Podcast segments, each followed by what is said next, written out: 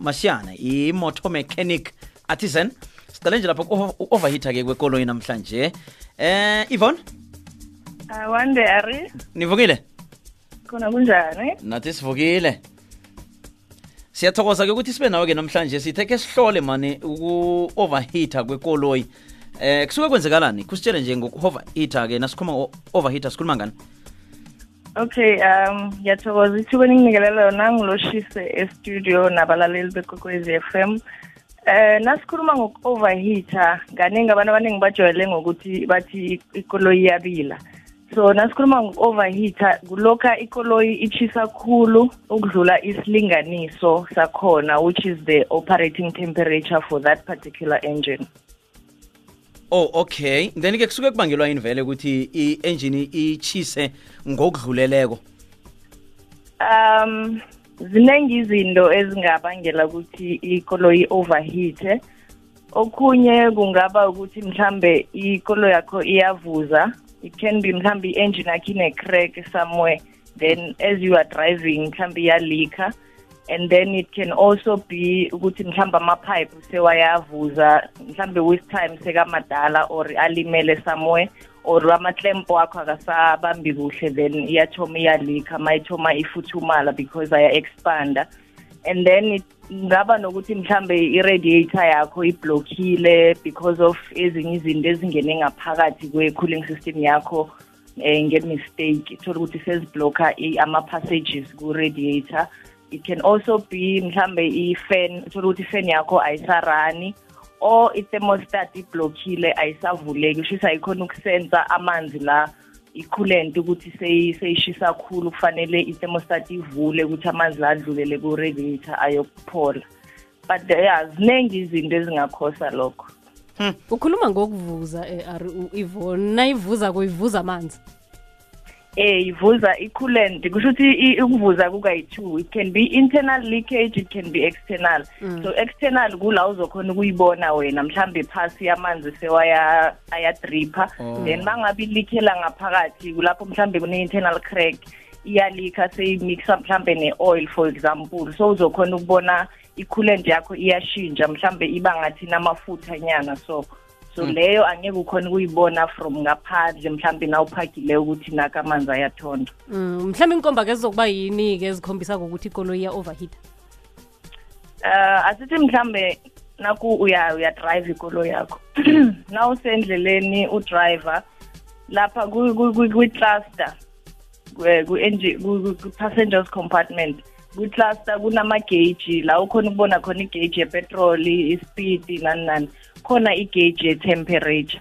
So now udriver kufanele unande uchecka vele ukuthi ithini. So provided yona self ayikho faulty izokhona ukukutshengisa nasele i-temperature seyeqela ngale eh kwe-normal operating temperature. So normal ifanele ibe ibe at the center. So nangabe seyecela ngale kwe-center then uh, that's when kufanele uthome u-observe-ke ukuthi kwenzakalani. And then okhunye if mhlambe lese yona-ke i-faulty awukhona ukubona ma udriver kuzokhona ukuthoma kuba nestim esiningi ngale kubonnet then uyakhona ukubona ukuthi no kusho ukuthi kungenzeka ukuthi kune-problem. Sometimes kuba nesmell mhlambe ismell sento echako. Ya kufanele umuntu enzeni-ke nakhu-ke mhlambe-ke ikoloyi nasi-ke vele iyabila? Eh kufanele enzeni-ke fanele ube ngibathabile ufaka ama-ice siphuma njani?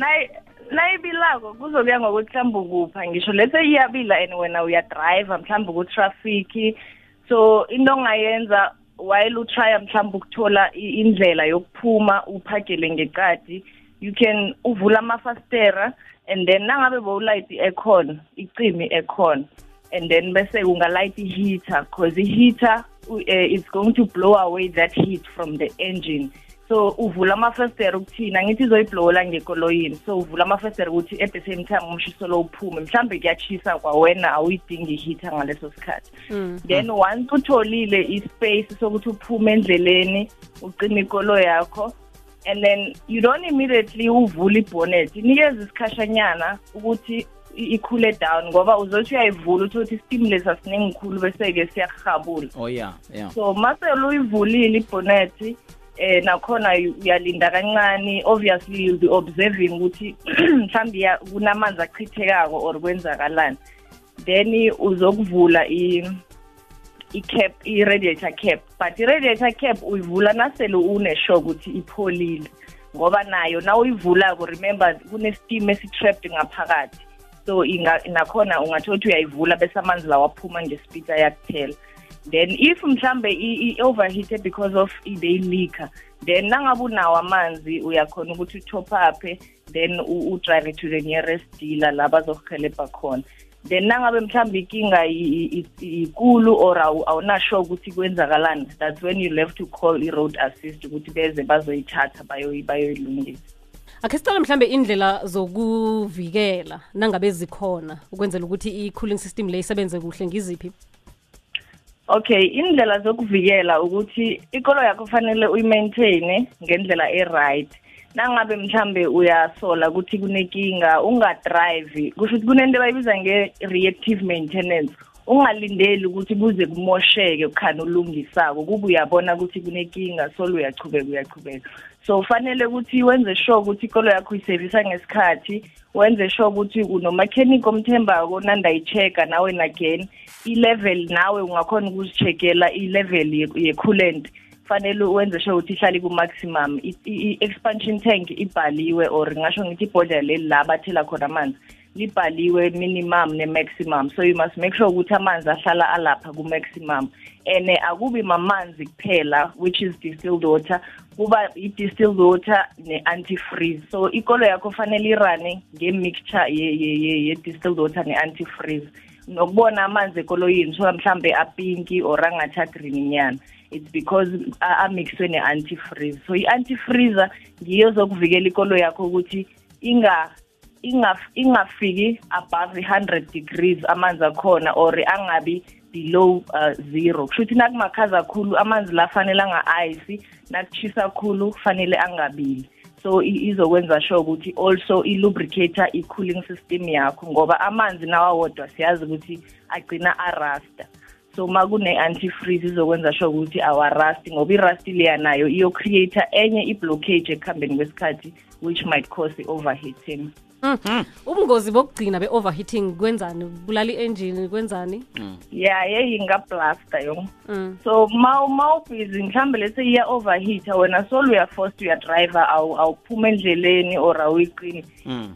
i- i-pressure iya-build up ngaphakathi kwi-system so amanzi uyazi mawavalelekileko azofuna indlela yokuphuma. Mm. the more i- i- i- i-temperature ikhuphuka so ma uloko mhlambe wena unga- ungayicimi izogcina i- i-exploder or i- i- i- i- i-exploder yona i-engine or any other component la asensitive. But-ke i-engine inento esibiza ngama-welsh plug. Ama-welsh Mm, plug sizawaqala ngelinye ilanga sesicala i-engine. Okay. Sangena kiyo. Eh, ben- Yeah. bengiswela ukuthi wona-ke nawo ayakhona ukuthi aphume ukuthi a-release that that heat mara you don't want to get to that point okay nosithokoze kukhulu kwamambala um ngofeaturesana nje bakutholaphi uh, bangangithola lapha ku-facebook yvonne mavis mashiane or bangangifonela ku-081 77 44 724 ivone sithokoze kukhulu kwamambala ne thokoze mina team r n b. Hola Kwamambala. hola. Nzotho arivuna zange khubilelwe yikolo endleleni? Khobiyenlele zange khubilelwe yikoloyi endleleni? Cabanga ibholo. Iye ikhe yabila. Ikhe yabila ne? Iye. Bewenze njani kani bewenze na usevisi? Bengingabona ukuthi iyavuza iradiator. Um sengabona ngayo. Wow. Seyithula na ustarta nje awa ingenzi litho. Khangitsho litho-ke lapha-ke la kunenkomba ngitshele laphanyana ke. Nangicala lapha ku-dashboard yayitshengisa ukuthi awa akhenge ngifake i-oli. Iye. Zokele nzotho. Ngiyathokoza bothi uzokunaka nini arivuna ah ngithe namhlanje khe ngikunake mani iveke iza kuphela ngingakakunaki yangihelebha ikolo ebilayo